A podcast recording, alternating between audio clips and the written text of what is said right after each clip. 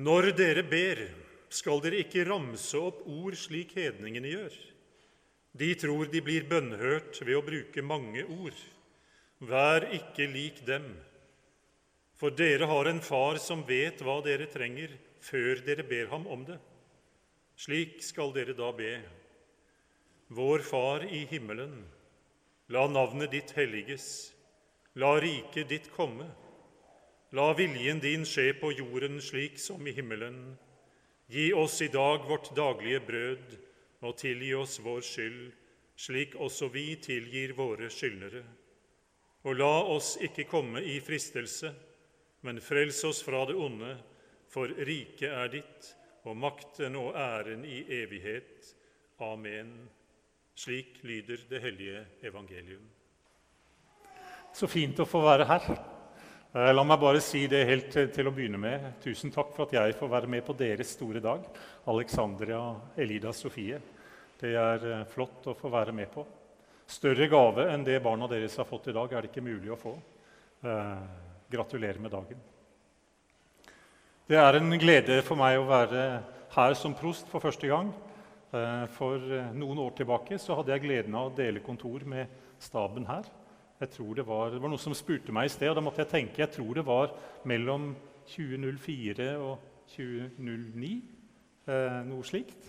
Hadde jeg gleden av å ha kontor og tjeneste her i kirken. Og det er flott å få lov til å eh, komme tilbake eh, og se noen kjente fjes og få være med og feire denne fine dagen. La oss be. Kjære himmelske Far. Det er ikke lett å tro på deg. Takk for at du tror på oss. Amen. Denne prekenen skal handle om tillit. Alle vi som er her i Lura kirke nå, har behov for å erfare hva tillit er. Det behovet er helt grunnleggende og eksistensielt. Tillit er en av grunnpilarene i livet vårt. Et grunnstoff vår tilværelse og våre relasjoner er bygget av. Noe vi er helt og fullstendig avhengig av, på godt og vondt. Det er skrevet massevis av bøker om tillit og om betydningen av tillit i våre liv. En måte å definere tillit på kan f.eks. være tillit er vår følelse av at andres godhet, ærlighet og dyktighet er til å stole på. Vår følelse av at andres godhet, ærlighet og dyktighet er til å stole på. Det er slik med tillit at det medfører ofte en overføring av makt til en person eller et system. Makt til å handle på mine vegne og til mitt beste. Og vi er så heldige at vi har to personer her i dag som kan lære oss noe viktig om hva tillit er, og hva det innebærer. To som kan fungere som forbilder til etterfølgelse for oss andre. Og Hvis dere ikke har gjettet det, så er det Alexandria og Elida Sofie som er våre forbilder. Hva er det de kan? Jo, de kan ta imot. De kan ta imot dåpens gave, selv om de ikke vet hva det innebærer. Så har de rett til å ta imot verdens største gave. De er forbilledlig gode til å stole på. De er overgitt til sine foreldre og sine omgivelser og er helt avhengig av dem. Og det gjelder på godt og vondt. Vi andre vi kan lett finne på å tro at vi kan klare oss selv. I livet så er det jo mye vi må klare selv, men i forhold til Gud er det ikke slik. Uten Gud kan vi ingenting gjøre. Med all vår bekymring kan vi ikke legge en eneste alen til vår livs lengde, som det står i bibelboken. Vi er like avhengige av Gud som disse to små er av sine foreldre og sine omgivelser.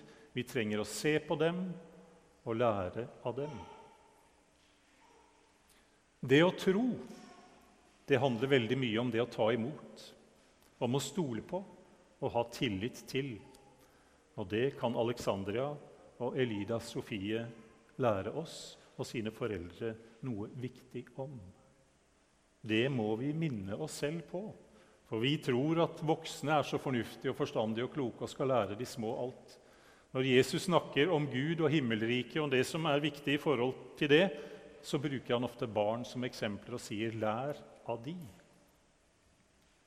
Tillit, tro og bønn det er en bevegelse langs samme linje. Bønn springer ut av tro og tillit. Fader vår er en bønn i tillit. Vi har en far å henvende oss til hvis vi vil.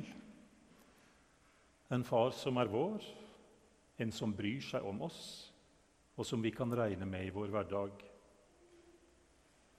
Alle foreldre er foreldre på godt og vondt. De aller fleste foreldre gjør nok så godt de kan.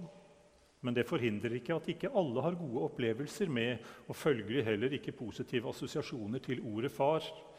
Slik er det. Det kan være gode grunner til at det er vanskelig å ha tillit til far. Noen av oss vet noe om det.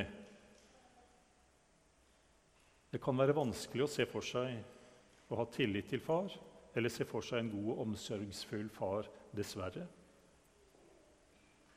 Når jeg sa at eh, bønn har med tillit å gjøre Når Jesus lærer sine venner å be, så inviterer han oss inn i det samme tillitsforholdet han selv har til sin far. Rett før han vekker Lasarus opp fra de døde, så sier han, 'Far, jeg takker deg fordi du har hørt meg. Jeg vet at du alltid hører meg.' Det er som om hele bønnen på en måte lener seg mot Gud, vår himmelske Far. Kan du se det? Når vi ber Fader vår, så vet vi kanskje ikke alltid hva vi ber om. Men det er ikke så farlig. Jeg kan jo bare snakke for meg selv, men jeg har det litt slik. Men jeg tror at hvis vi tenker, at vi ikke alltid tenker så nøye over innholdet i de innlærte, formulerte setningene I hvert fall så klarer ikke jeg det. Og Da tenker jeg også at vi kanskje heller ikke ser de store mulighetene som ligger i ordene som rettes mot Gud. Men igjen er ikke det så farlig, for ordene står der uansett. Mektige, kraftfulle og utfordrende også. Og Kanskje var det Jesu tanke å gi oss ord, ord som kan brukes i alle sammenhenger, som er et forbindelsesledd med Gud, som alltid fungerer, også når vi mangler og ikke har ord. For slik kan det være i livet. Livet selv er ikke alltid lett å sette ord på, særlig når vi har det krevende. Derfor kan det være godt med noen faste, innlærte setninger som kan brukes, og som holder seg, og det langt inn i senilitetens verden. Jeg husker jeg jobbet på en eh, senildementavdeling på et sykehjem en gang. Sognepresten skulle komme på andakts- og julebesøk. Eh, og jeg tenkte hvordan skal dette gå? Eh, for de som var på den avdelingen, var samlet der fordi de var senildemente. Man trodde at det var lurt å samle dem den gangen. Jeg vet ikke hvordan de gjør det nå, men sånn var det da. Og der var det veldig rare og artige samtaler som fant sted. Og de fleste trodde jeg var sønnen deres eller naboen eller et eller annet. Og så kommer sognepresten, og idet han ber Fader vår, så faller alle inn. Det kunne de. Første gang jeg opplevde det, så overrasket det meg skikkelig. Fader vår satt i dem. De hadde lært når de var små, og det fulgte dem langt inn i senilitetenes verden. Fader vår er en del av bergprekenen og en del av Jesu undervisning om Guds rike og det nye som kommer med ham. Et eksempel for oss. Slik skal dere be. Når dere ber, skal dere ikke ramse opp mange ord, sier Jesus. Jeg har lurt på om det bak trangen til å bruke mange ord kan ligge en oppfatning av at Gud kan tvinges. Om vi bare tar hardt nok i, holder på lenge nok.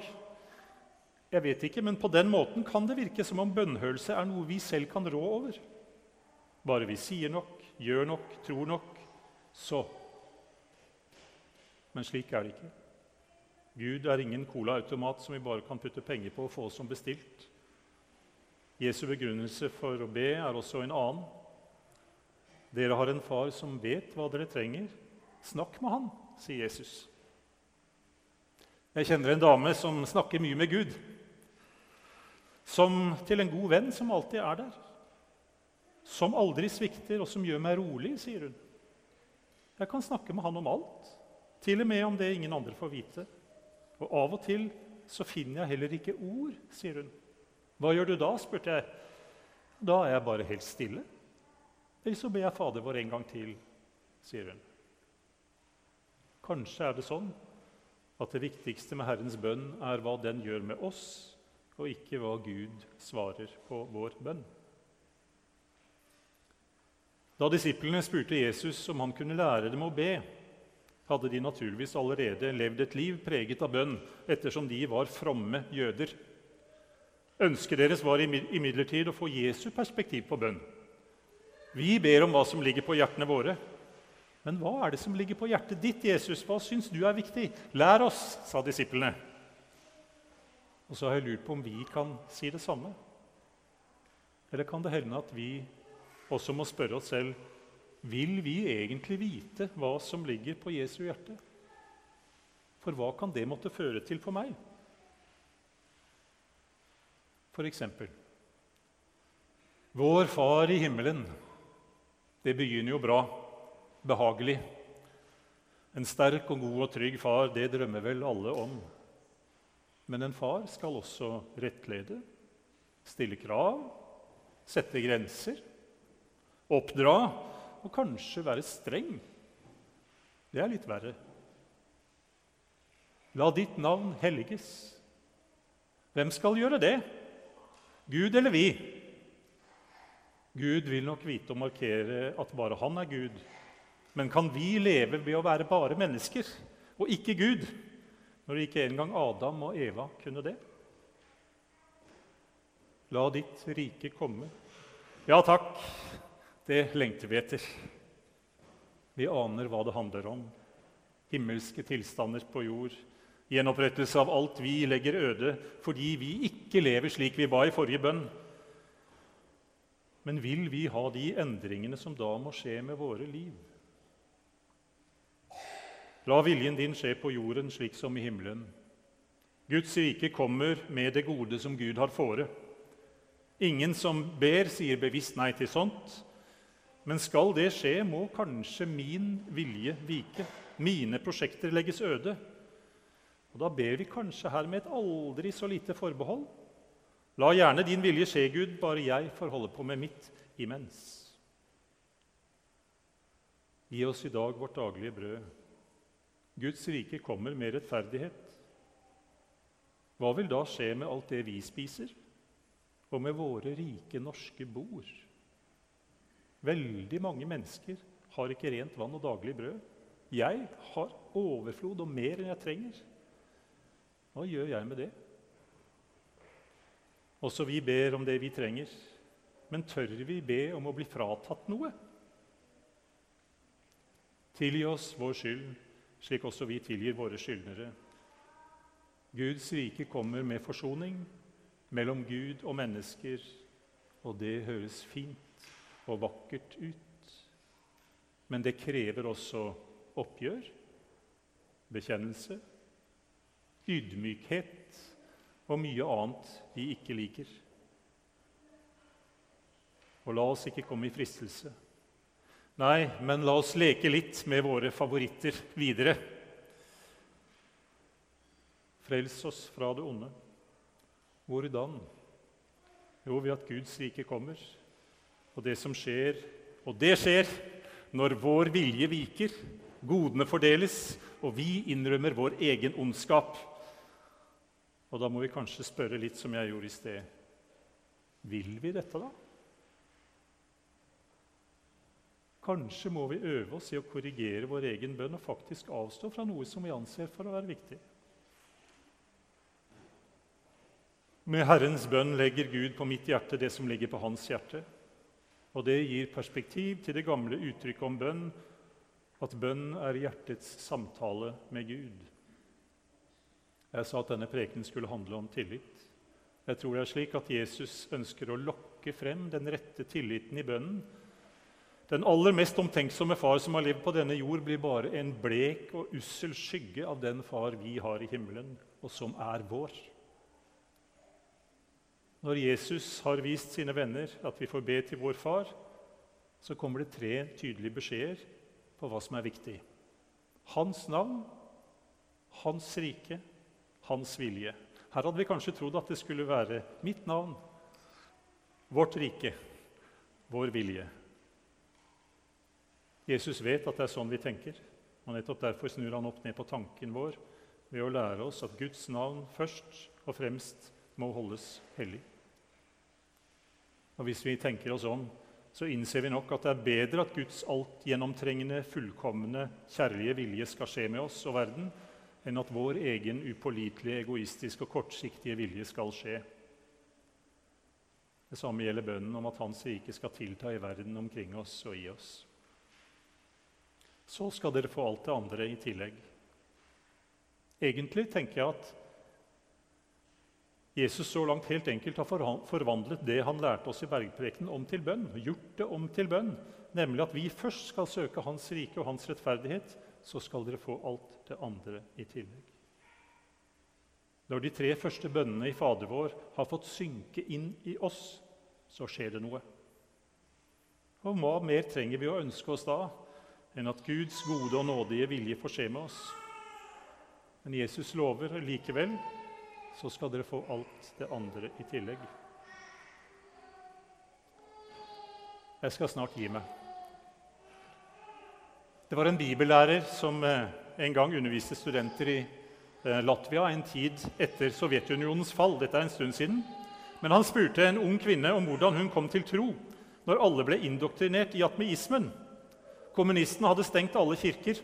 Hele hennes slekt var ateister, og det fantes rett og slett ingen forutsetning for tro i hennes liv.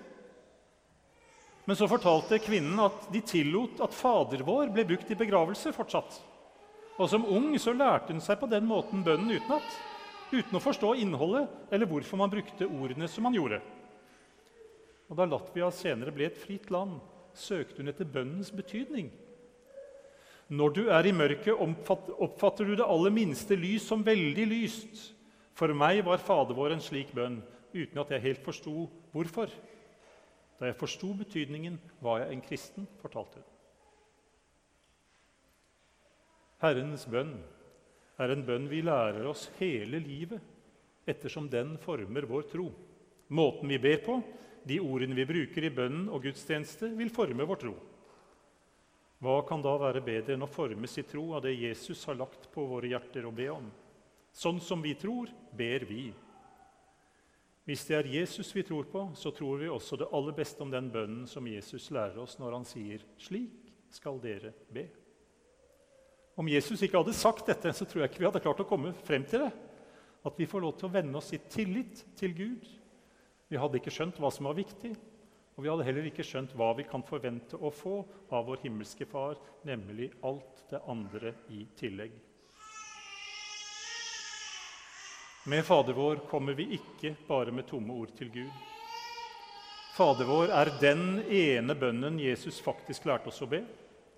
Fader vår er den bønnen som viser oss hvor spesiell vår kristne tro er. Hvor annerledes den er.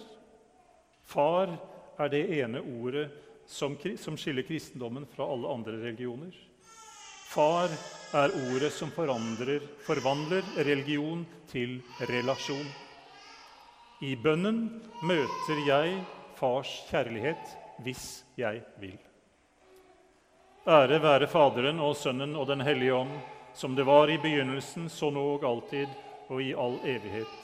Amen.